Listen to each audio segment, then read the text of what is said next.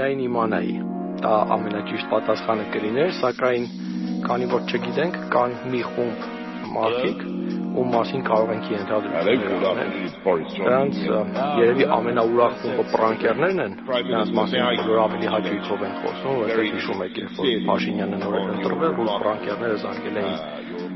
Մեծ Բրիտանիայի վարչապետ Բորիս Ջոնսոնին եւ այլն եւ այլն։ Definitely count on the UK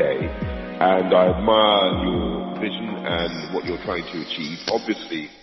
Ինչպես ապահովել խոսքի ազատության անվտանգությունը թվային տիրույթում։ Այս թեմայի մասին ենք այսօր խոսելու։ Ես Սեդա Պապոյանն եմ եւ ուրախ եմ ողջունել մեր առաջին հյուրին, Արթուր Պապյանին, ով Cyber Hub Հայաստանի համահիմնադիրն է եւ մեդիա փորձագետ։ Ողջույն։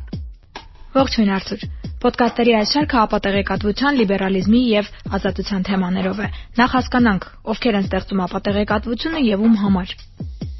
իրականում հենց ապատեղեկատվություն տերմինի մասին սկսեցին խոսել այն բանից հետո, երբ որ ամերիկյան ընտրություններին 2016-ի մեծ քանակի ապատեղեկատվական ներհոսք նկատվեց, ընդ որում կայքեր էին ստեղծված Մակեդոնիայում եւ հետաքննությունները ցույց տվեցին, որ դրանք ինչ-որ դեպքում պարզապես երեխաներ էին, ովքեր համարել էին, որ ցուկ բռնելը ավելի պակաս ծերնդու է, քան կեղծ կայքեր սարքել եւ copy paste-երով ինչ-որ վերնագրեր տարածելը։ Իսկ ով էր նրանց վճարում, այստեղ մենք ավելի մեծ խնդիրների ենք բախվում ամեն ինչ ցույց է տալիս գոնե այս պահին մեր ունեցած ինֆորմացիա որ դա ռուսական ինչ որ դեպքերում այլ քարոշչական գործիքներ են սակայն հստակ ապացույցներ այս պահին չկան բայց այստեղից մենք միանգամից եւս երկու մոտիվացիա ենք տեսնում օրինակ երեխաների դեպքում այդ իմ ասած ջահելների պարզապես ինչ-որ գումար վաստակելու ձև էժան եւ նաեւ խոսվում է շատ է խոսվում ամբողջ աշխարհի մակարդակով է խոսվում ամերիկյան քաղաքականության նաեւ քաղաքական մոտիվացիայի այսինքն մի պետություն փորձում է ազդել մյուսի վրա կամ ներպետական ինչ-որ թեմաներ են երբ որ Պարզ է, որ այդ նաև ապատեղեկատվության շնորհիվ է, որ Հիլարի Քլինտոնը չընտրվեց նախագահ, այլ Դոնալդ Թրամփը եւ ստանձնեց աշխարհի ամենահզոր պաշտոնը։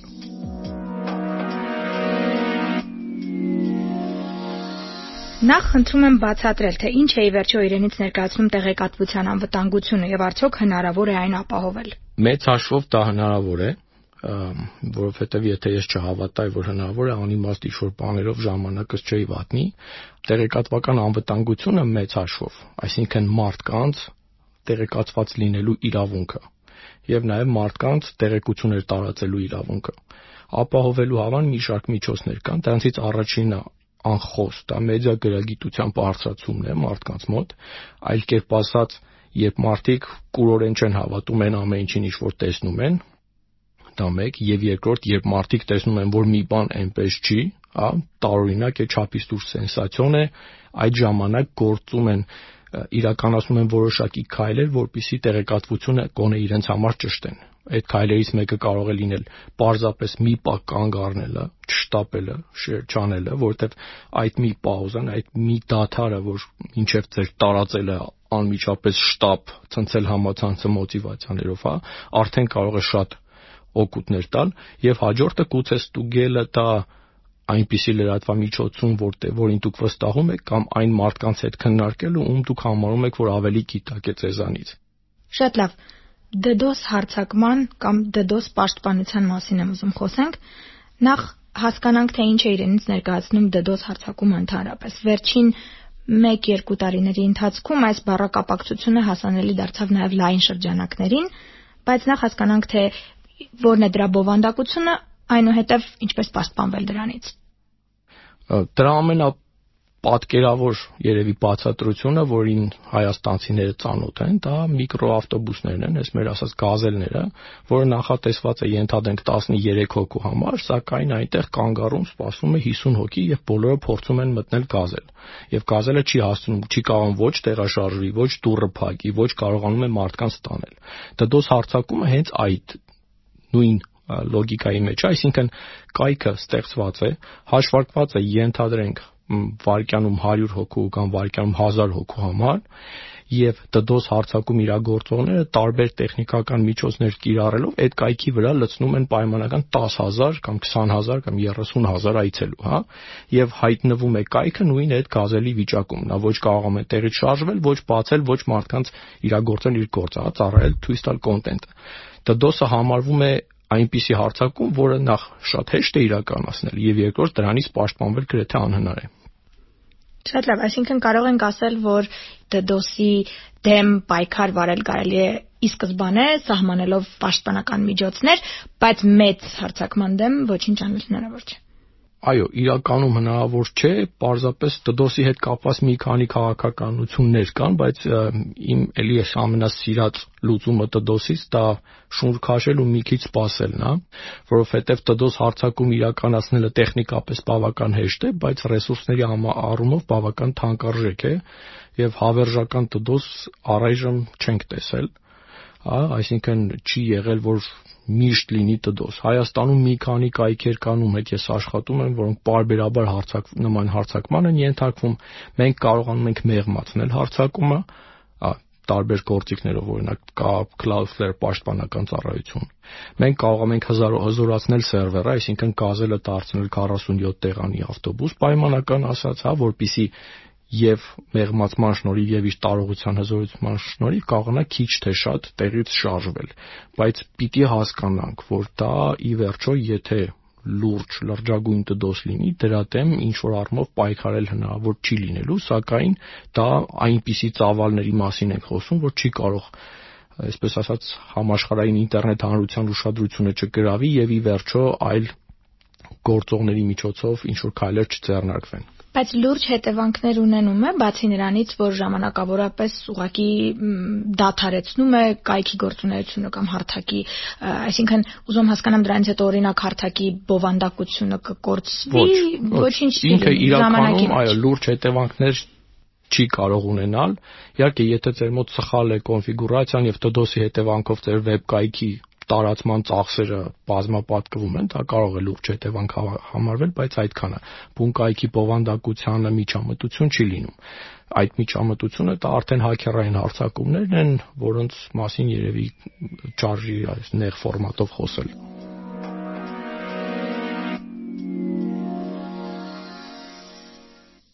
Ձեր խոսքի մեջ մի բառ գտա, որ ուզում եմ առանձնացնել՝ վճարել։ Արդյոք կան ուժեր, մարդիկ, ովքեր վճարում են ապատեղեկատվություն ստեղծելու համար, որից հետո գուցե դա բնական ճանապարհ է ստանում։ Այո, ապատեղեկատվությամբ գումար աշխատելու մի քանի ճանապարհներ կան, դրանցից ամենաակնհայտը դա քաղաքական դրդապատճառներն են, այսինքն երբ որ մի քաղաքական ուժ կամ մի ինչ որ մի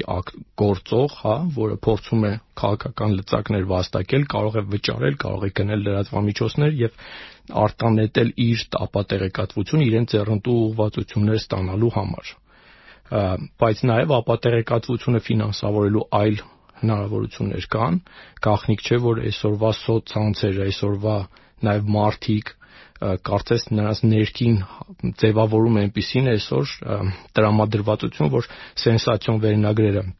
շատ ավելի հաճույքով են կարդում եւ ապատեղեկատվական վերնագրերը աչքի են ընկնում շատ սենսացիոն վերնագրերով, սենսացիոն կոնտենտով, որը արագ տարածվում է եւ դրա կողքին հնարավոր է նաեւ շատ լավ, շատ հաջողությամբ գովազդ վաճառել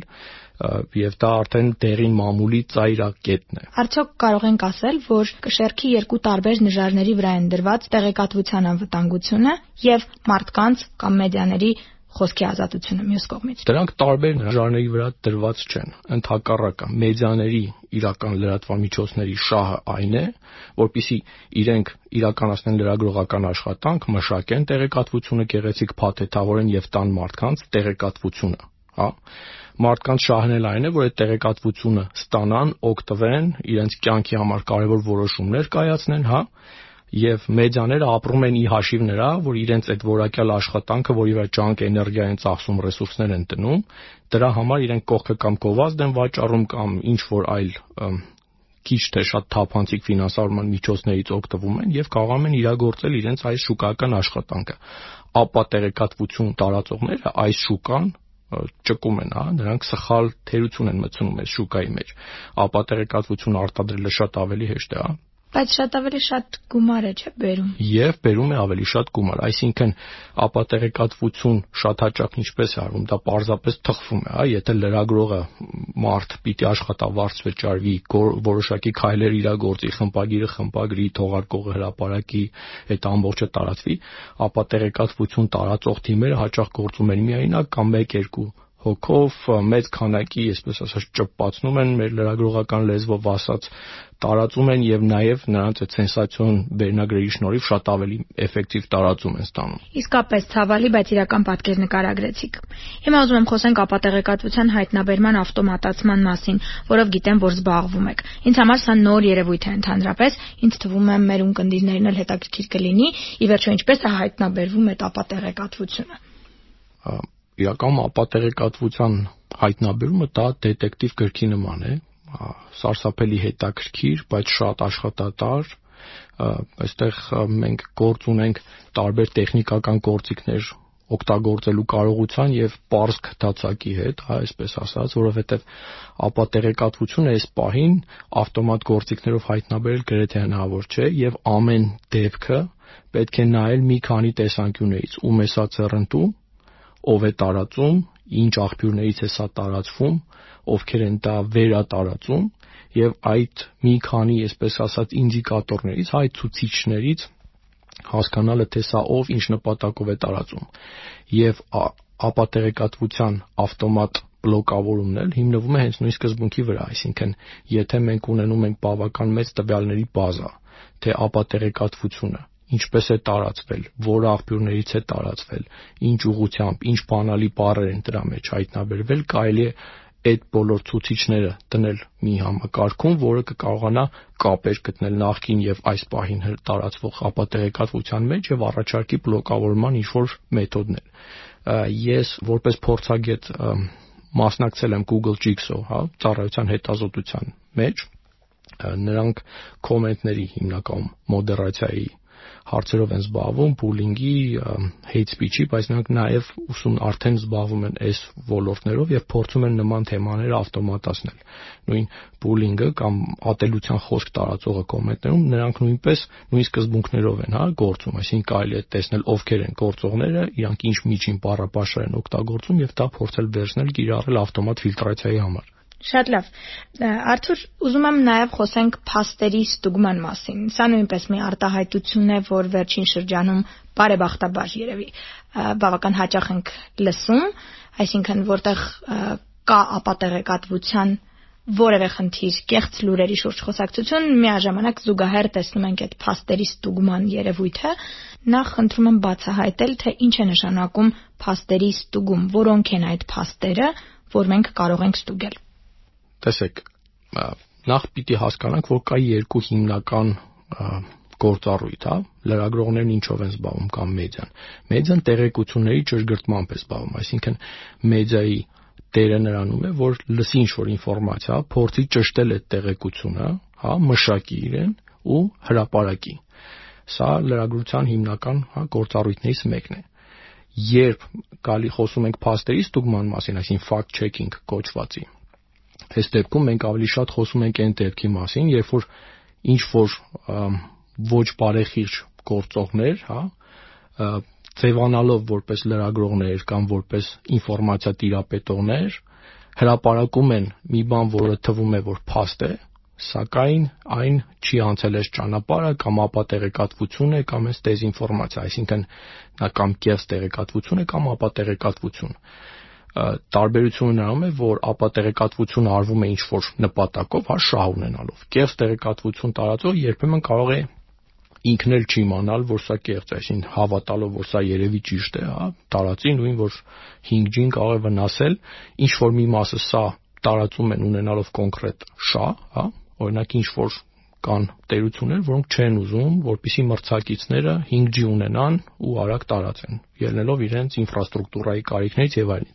Եվ կան մարդիկ, ովքեր հավատում են, որ երևի այդ 5G-ն իսկապես վնասակար է։ Այդպիսի բան չկա, հա, գաղտնիքը բաց եմ։ Հիմա երբ մարդիկ դա հրապարակում են կամ ինչ-որ լրատվամիջոց դա հրապարակում է իբրև թե փաստ,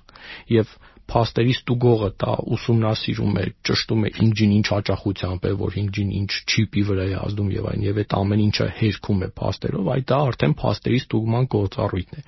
Ինքը ոնց որ լրագրության եւս մի շերտ է, Հայաստանում այս պահին կան փաստերի ստուգմամբ զբաղվող մի շարք կայքեր կամ կան կայքեր, որոնց որոնց մեջ նույնիսկ կան այնպիսիներ, որ հայտարարում են, որ իրենք փաստերի ստուգմամբ են զբաղվում, բայց դա է ոչ միշտ այդպես, երբեմն իրենք հենց ապատեղեկատվություն էլ տարածում են։ Իսկ փաստերի ստուգումը կարող է լինել տեղեկատվության անվտանգության երաշխավոր։ Չեմ կարծում, որովհետև խնդիրն ինչումն է։ Ապատեղեկատվությունը տարածվում է ի հաշիվ իր սենսացիոն բովանդակությամբ։ Փաստերի ստուգումը ինքը օգտակար գործիք է, սակայն շատ հաճախ ինքը այդքան փայլուն չի, հա, այդպես պլպլան չի, որ մարդիկ վերցնեն տարածեն։ Այսինքն, որ այ 5G բոլորս կմեռնենք, աշխարհի վերջը եկել է, այս վերնագիրը բոլորը հաճույքով sense սարսափած կտարածեն, իսկ այ որ մենք հերքում ենք, որ 5G-ն այսպիսի բան է անում, այս վերնագիրը թեև սա ճիշտ է, տեղեկատվություն է, ստուգված է, դա չի տարածվում այդպես։ Հետևաբար ինքը անհրաժեշտ բաղադրիչ է, բայց ինքը չի կարող լինել միակ եւ ամեն ինչի պատասխան տվող գործիք։ Իսկ փաստերը ստուգելու ավտոմատ գործիքներ կան, գուցե մեդիագրագիտության շրջանակներում գոյություն ունեն գործիքներ, որ թվային տեղեկատվության շարքային սպառողին կարող են սովորեցնել կամ օգնել, որ մինչև տարածելը վստահ լինի այդ տեղեկատվության հավաստիության շուրջ։ Իրականում փաստերի ստուգումը դա մի քայլ ավելի է, մեդիագրագիտության մեջ իհարկե մտնում է փաստերի ստուգումը, բայց մի քիչ իրատեսական չէ ակնկալել, որ բոլորը փաստերի ստուգմամբ են զբաղվելու ամբողջ օրը գիշեր-ցերեկ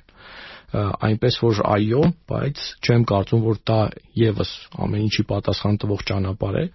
կան այս պահին փորձեր ստեղծելու ինչ որ համակարգեր, օրինակ կա Web of Trust, հա, այդպիսի գործիք, Web of Trust, plugin-ը, որը դրվում է Chrome զննարկիչի մեջ, Firefox-ի մեջ, եւ երբ դուք այցելում եք որևէ կայք, եթե այդ կայքը լավ համբավ ունի, կանաչ է ցույց տալիս, եթե այդ կայքը հայտնաբերվել է ինչ որ փաստերի ստուգողներ այդ կայքի հետ կապված խնդիրներ են հայտնաբերել կամ այդ կայքով վիրուսներ են տարածվել, հա, ինչ որ վտանգավոր գործողություններ են եղել, դա կարմրում է, զգուշացնում է ես ինքս այդ համակարգից օգտվում եմ, բայց կարծում եմ, որ ինքը եւս դերևս սկզբնական փուլում է, կան եւս մի քանի այդպիսի նախաձեռնություններ։ Կան նաեւ գործիքներ, որոնք թույլ են տալիս օրինակ լուսանկարները ստուգել, հա տեսնել արդյոք ինքը մոնտաժված է թե ոչ։ Կան գործիքներ, որոնք թույլ են տալիս տեսանյութեր ստուգել, հա, գցել տեսանյութը, տեսնել արդյոք դա, ասենք 3 տավուշում է հրապարակվել, թե ենթադրենք 10 տարի առաջ Բոսնիա Հերցեգովինայում։ Եվ դրանից եզրակացնել, որ եթե ինչ-որ մեկ ասում է, վայ, նայեք սահմանին ինչ է կատարվում ու տեսանյութն է դի, բայց դուք ստուգեք տեսնեք, որ չէ, ինքը 10 տարի առաջ է տեսանյութը արդեն հրապարակվել է, իհարկե հասկանալի է, որ սա կեղծ է կարծում եմ ավելի արդյունավետ է այն գործողությունները, որ Facebook, որի մասին Facebook-ն է հայտարարել,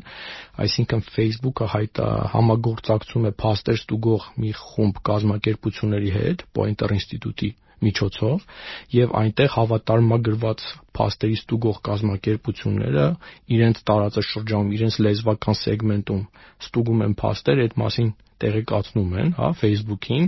հատուկ ինտերֆեյսի միջոցով եւ Facebook-ը սկսում է նման կոնտենտի տակ նշումներ անել կամ արգելափակել դրա տարածումը։ Facebook-ը նաև վերջերս գործարկեց որոշակի ավտոմատացված համակարգեր եւ եթե նա տեսնում է ձեր տեքստում COVID-19 բառը, հա, COVID, հա, այսպիսի ինչ որ թեմաներ, փորձում է ավտոմատ կերպով մակնշում տալ, ասել, որ սա հնարավոր է որ ինչ որ խնդիր ունեցող տեքստ է եւ հաճախ տեսնում եք նման հրապարակումների տակ նաեւ Facebook-ի կողմից հղում դեպի ենթադրենք Հայաստանի տարածքում ուղղում է դեպի հայաստանյան այդ COVID-19 gov.am կայք կամ հայաստանյան համապատասխան ռեսուրսներ ամեն երկրում իրեն է ես տորով եմ փորձարկում տարբեր երկրներից ու ամենտեղ ինչ որ կոնկրետ տեղ է ուղարկում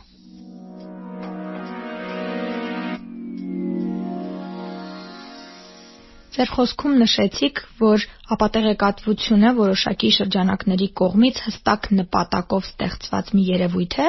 եւ կեղծ լուրերը այն լուրերն են, որոնք մարդիկ ուղակի չեն տարբերում ճշմարտությունից։ Նախ ասեմ տերմինների պահով ես մի քիչ դժվար եմ թարգմանել։ Ինձ համար դա անգլերենով է ավելի հստակ disinformation, հա, դեզինֆորմացիա բառն է եւ misinformation։ Misinformation դա այն դեպքն է, երբ մարդը կարող է ինքն էլ հավատալ, որ սա այսպես է։ Եվ ասեմ, թե ոնց եմ ես նման դեպքերում հեշտ բանաձև ունեմ, ես միշտ հարց եմ տալիս առաջիններից մեկը, թե ում է սա ձեռնտու։ Ցանկացած հրաապարակում տեսնելիս ընդ որում դա վերաբերում է նույնիսկ շատ ինձ համար վստահելի մամուլում, եթե ես տեսնում եմ ինչ որ տեղեկատվություն, ես միշտ մտածում եմ, ում է սա ձեռնտու։ Հատկապես երբ սենսացիա կա մեջը։ Հատկապես եթե մեջը կա սենսացիա, ում է ձեռնտու, որ դա տարածվի, ում է ձեռնտու, որ դա տարածվի այդ լրատվամիջոցով, հա, որովհետև դա նույնպես շատ կարևոր ինդիկատոր է։ Եվ այդ հարցը ձեզ ինքներդ ձեզ տալը համարյա միշտ օգնում է ձեզ սկսել անալիզի process, որը եւ տալիս է այդ ասված ժամկետը սпасելու, հա, մինչև տարածելը, սենսացիային մասնակցելը եւ տալիս է հնարավորություն մի քիչ ավելի ստապ տատելու, տեսնել ում է հղում արվում տեքստում, ինչ աղբյուրներ են նշված եւ փորձել հասկանալ այդ աղբյուրները ինչ էին ուզում սրանով ասել։ Ամփոփելու համար արդյոք կհամաձայնեք, որ տեղեկատվության այս ամբողջ հաղթարշավը կապված է նախ եւ առաջ սոցցանցերի եւ ընդհանրապես թվային աշխարհի հետ, հաշվի առնելով տարածման հնարավորությունները, արագությունն ու ծավալները։ Թերթերի դեպքում նման տարածում ապահովելը հաստատ բարդ կլիներ։ Իրական ապատեղեկատվությունը նոր չի հայտնաբերվել, սա սոցցանցերի հետ չի ստեղծվել, հա, այսինքն մենք լրտեսական տարբեր կինոնկարներ ենք նայել նույն երկրորդ համաշխարհայինի տարիներից, երբ որ ռուսները, գերմանացիները, անգլիացիները փորձում էին, հա, ամեն տեսակ շպիոնական ինչ-որ ապատեղեկատվություններ տարածել ունենալով հստակ նպատակներ, խնդիրը դրանում չէ, այլ խնդիրը նրանում է, որ այսօր աշխարհում շատ տեղերում հասարակարգերը դարձել են դեմոկրատական, այլ կերպ ասած իշխանությունը մեծ ծավալի ընտրողների որոշումների միջոցով է ձևավորվում եւ երբ դառնում է այդպիսի իր համակարգ տեղեկատվությունը, որ այդ ընտրողները ստանում են, առանցքային դեր է պետության կառավարման համակարգում, հա, եւ նրանք, ովքեր որ չեն կարողանում այլ լծակներով ուժի միջոցով, հա, ոնց որ նախկինում է եղել բռնապետական ուժի միջոցով ստանալ իրենց նպատակը, չեն կարողանում կաշառքի միջոցով ստանալ, որովհետեւ ենթադրենք օրենքը դա արգելում է, գտել են ձև, որը ավելի հեշտ է, ավելի էժան է եւ ավելի արդյունավետ է, այլ կերպ ասած, օգտագործելով սոցցանցերի այդ տարածման ալգորիթմերը, մեծ քանակի ապատերեկատվություն նետել ստիպելով մարդկանց հավատալ ինչ-որ բանի եւ իրենք իրենց ուժով իրականացնել գործողություններ, որ ասենք ընտրել այն մարդուն, ում որ ապատեղեկատվություն տարածողը ուզում է։ Բայց սոցցանցերի դերը ամեն դեպքում մեծ է։ Այո, սոցցանցերը կարևորվեցին նաեւ, բայց հենց դրա պատճառով, որ ընտրությունները, հա, ազատ կամքը ինքը ավելի վճռորոշ դարձավ։ Քանի որ ապատեղեկատվության մասին ենք խոսում, կեղծ լուրերի, disinformation-ի, misinformation-ի, ուզում եմ մի փոքր տեղայնացնենք խնդիրը, Արդյոք այսօր Հայաստանում ունենք ապատեղեկատվության խնդիր։ Իրականում այո։ Սա այնպես չի, որ օթից վերցրած թեմա է, որ մենք այսօր Հայաստանում քննարկում ենք, ընդ որում ամենաուշագրավն այն է, որ Հայաստանի վրա ազդում է ապատեղեկատվության մի քանի միանգամից կենտրոն, հա։ Այսինքն մենք այստեղ ստանում ենք եւ ապատեղեկատվություն ամերիկյան աճ ծայրահեղականներից, եւ ապատեղեկատվություն ռուսաստանյան աղբյուրներից, եւ ապատեղեկատվություն, որ գալիս է հայաստանյան ներքին քաղաքական շրջանակներից, եւ մի էսպիսի մեդիայում հասկացություն կա, որ երբ մարդը մի քանի անգամ տեսնում է լսում է նույն տեսակետը, սկսում է անկախ իրենից հավատալ, նույնիսկ եթե դա հետ տրամաբանական չի թվում մեդիան այդպիսի գործառույթ ունի, որ ինքը ամրապնդում է ինչ-որ ստերեոտիպեր ու ի վերջո մարդը անկախ իրեն սկսում է լրիվ абսուրդային բաների հավատալ, նույն այդ 5G տեսությունը, հա, նույն այդ տեսությունը չիպավորումը կամ դիմակների վնասակարության մասին, չգիտեմ որտեղից բուսնած է տեսակետները, որոնց համար բավական է գնալ, ասենք, Snopes կամ այդ փաստերի ստուգման, հա, վստահելի աղբյուրներ նայել եւ կտեսնեք, որ այդ պնդումները բոլորովին անիմաստ ու անհիմն են, բայց դրանք տարածվում են։ Եվ այս առումով նաեւ հայաստանյան օկտատերերը, մեդիայի սպառողները լրացուցիչ դժվարության առաջ են հանգում, որովհետև այն հարցը թե ում է սա ձեռնտու, որի մասին մի քիչ առաջ խոսեցինք, որպես շատ լավ ձև գործիք բարձելու, մի քանի անգամ դժվարանում է։ Հասկանք ինչ որ դեպքում մենք գործ ունենք, երբ որ ամերիկյան աճ ծայրահեղականների կամ չգիտեմ ինչերի, հա, տեսակետը ներթափանցում է ռուսական շուկա, անցնում է այնտեղի ֆիլտրով, տարածվում է ռուսաստանյան լրատվամիջոցներով, հետո թարգմանվում է հայերեն ու հայաստանյան ինչ որ լրատվամիջոցներ դա կարող են նույնիսկ տարածել նպատակ չունենալով, պարզապես կոնտենտ է եղել էժան ձրի հետաքրքիր վերցել թարգմանել հրապարակել են նույնիսկ իրենք չհասկանալով ինչ են անում եւ մենք այս շուկայում ներառվենք հա մեր մոտ նաեւ գալիս է ամեն տեսակ ապատեղեկատվություն հատկապես տարբեր տեսակի պատերազմական գործողությունների բախումների ժամանակ ադրբեջանական թուրքական աղբյուրներից եւ օրինակ ցեզ ասեմ որ երբ Տավուշյան վերջին սրացման ժամանակ շատ դեպքերում ադրբեջանցիները իբր տեղեկատվություն էին տարածում, որ կոտրել են ենթադրենք Հայաստանյան Մալբրի համակարգը, բայց պարզվում էր, որ դա դեզինֆորմացիա է, ապա տեղեկատվություն է։ Իրականում նրանք մի հատ սկրինշոտ էին ճարել եւ դա շրջանառում էին կամ հանրային դեպս այս պահին իմ ունեցած տեսակ ինֆորմացիան այդ է ցույց տալիս ու նրանք շատ այդպիսի հա բաներ էին անում ասենք կայքը դդոսի են ենթարկում բայց գրում էին որ կոտրել ենք եւ այն եւ այլն եւ նույնն էլ ներքին շուկայում մենք հատկապես եթե նայենք թե հերոստատեսային ինչ կասկադով ինչ թեզեր որ հերոստատեսությունները միաժամանակ են կրկնում կամ նետում շուկա սա էլի բավականին հետաքրքիր եզրակացությունների տեղիք է տալիս նաեւ դա կապելով իրական կյանքի ասենք ում դատն է գնում այս պահին եւ թե TV-ները ինչ են ասում, սա արդեն որոշակի ցուցիչ է եւ հետաքրքիր է որ նաեւ մեծ ռեսուրսներ կան տրված հենց ապատերեկատվության ուղղությամբ եւ պիտի մարդիկ հասկանան, որ Հայաստանում երբ որ փոխվել է համակարգ, երբ որ ընտրողի ցայնը սկսել է ավելի մեծ կշիռ ստանալ, այն միջոցները, որ նախկինում կային, ասենք 5000 դրամ ընտրակաշառք բաժանել, այդ ամբողջը հիմա գնալու է ապատեղեկատվության դաշտ, այդ շուկայովելու, որտեվ հիմա ավելի ձեռնտու է ու ավելի հեշտ է մարդկանց վրա ազդել ապատեղեկատվության միջոցով, այլ ոչ թե անմիջական այդ արձերն ձեռքին տալու։ Ու այս վերլուծությունը կարևոր է, որ մարդիկ հասկանան, որ իրենք իրական ուժ ունեն, ու այդ իրական ուժի հետ գալիս է իրական պատասխանատվություն ավելի ուշադիր վերլուծելու այն ինֆորմացիան, որ իրենք ստանում են, որտեղ իրենք բախվում են այս տարբեր ուղություններից ապատերեկատվությանը, որը նպատակ ունի նաև իրենց ապակողմնորոշվել ու իրենց խափելով ձեռքների ստանել այդ ուժը։ Կոնե առաջ որ 5000 դրամ էին ստանում այդ այդ ուղությամբ։ Իսկ կա արդյոք պայքարի որևէ ազդեցիկ մեթոդաբանություն։ Իմ տպավորությամբ գոնե վերջին 1 տարվա ընթացքում մարդիկ եթե ոչ սկսել են տարբերել կեղծ լուրերը, ապա գոնե սկսել են ավելի հաճախ կասկածել։ Կարծում եմ, որ որոշակի դրական ուղղություն ունենք գոնե հայ-ադրբեջանական, հա, այդ ֆրոնտում եւ դա շատ առանցքային է որովհետեւ դա մեր ազգի գոյությանն է անմիջականորեն սպառնում եւ այս ոլորտում տեսնում ենք որ մարդիկ սկսել են ավելի սկեպտիկորեն վարվել ավելի ուշադիր են ինչ որ դիտարկումներ կարողանում են կողմնորոշվել ավելի բարդ է հարցը օրինակ նույն այս կորոնավիրուսի հետ կապված իրավիճակում ու դա սարսափելի է որովհետեւ դա անմիջականորեն մարդկային կյանքերի է ուղված եւ նույնիսկ այստեղ գալուց ես տեսնում եմ բազմաթիվ դեպքեր, որ մարդիկ դիմակին այսպես են վերաբերում, որ սա անիմաստ բան է եւ այլն եւ չգիտեմ, թվերը չեն նվազել, այսինքն մենք այսօր 390 քանի, հա, դեպք ունենք գրանցված, դա շատ ավելին է, քան մարտին, երբ որ ամբողջ երկիրն էր փակվում, բայց մարդիկ այնքան են այդ մեդիայի ապատերեկատվությանը առնչվել, որ սկսել են մտածել, որ սա բոլորովին էլ վտանգավոր մի բան չի։ Եվ իրենք չեն գիտակցում, որ ապատերեկատվության վնասներն են դրանք։ Այո, որտեվ նայեք, մարտին նույն քանակը լսելիս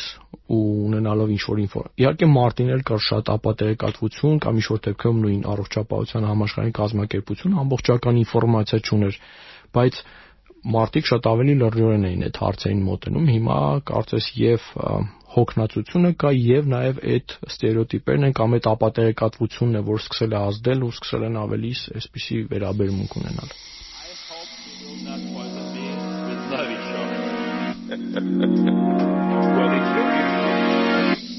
Ես շնորհակալություն պիտի հայտնեմ այսօրվա մեր զրույցին մասնակցելու համար։ Հիշեցնեմ, որ իմ հյուրն էր Cyber Hub Հայաստանի համահիմնադիր մեդիափորձագետ Արթուր Պապյանը։ Շնորհակալություն Արթուր։ Խնդրեմ։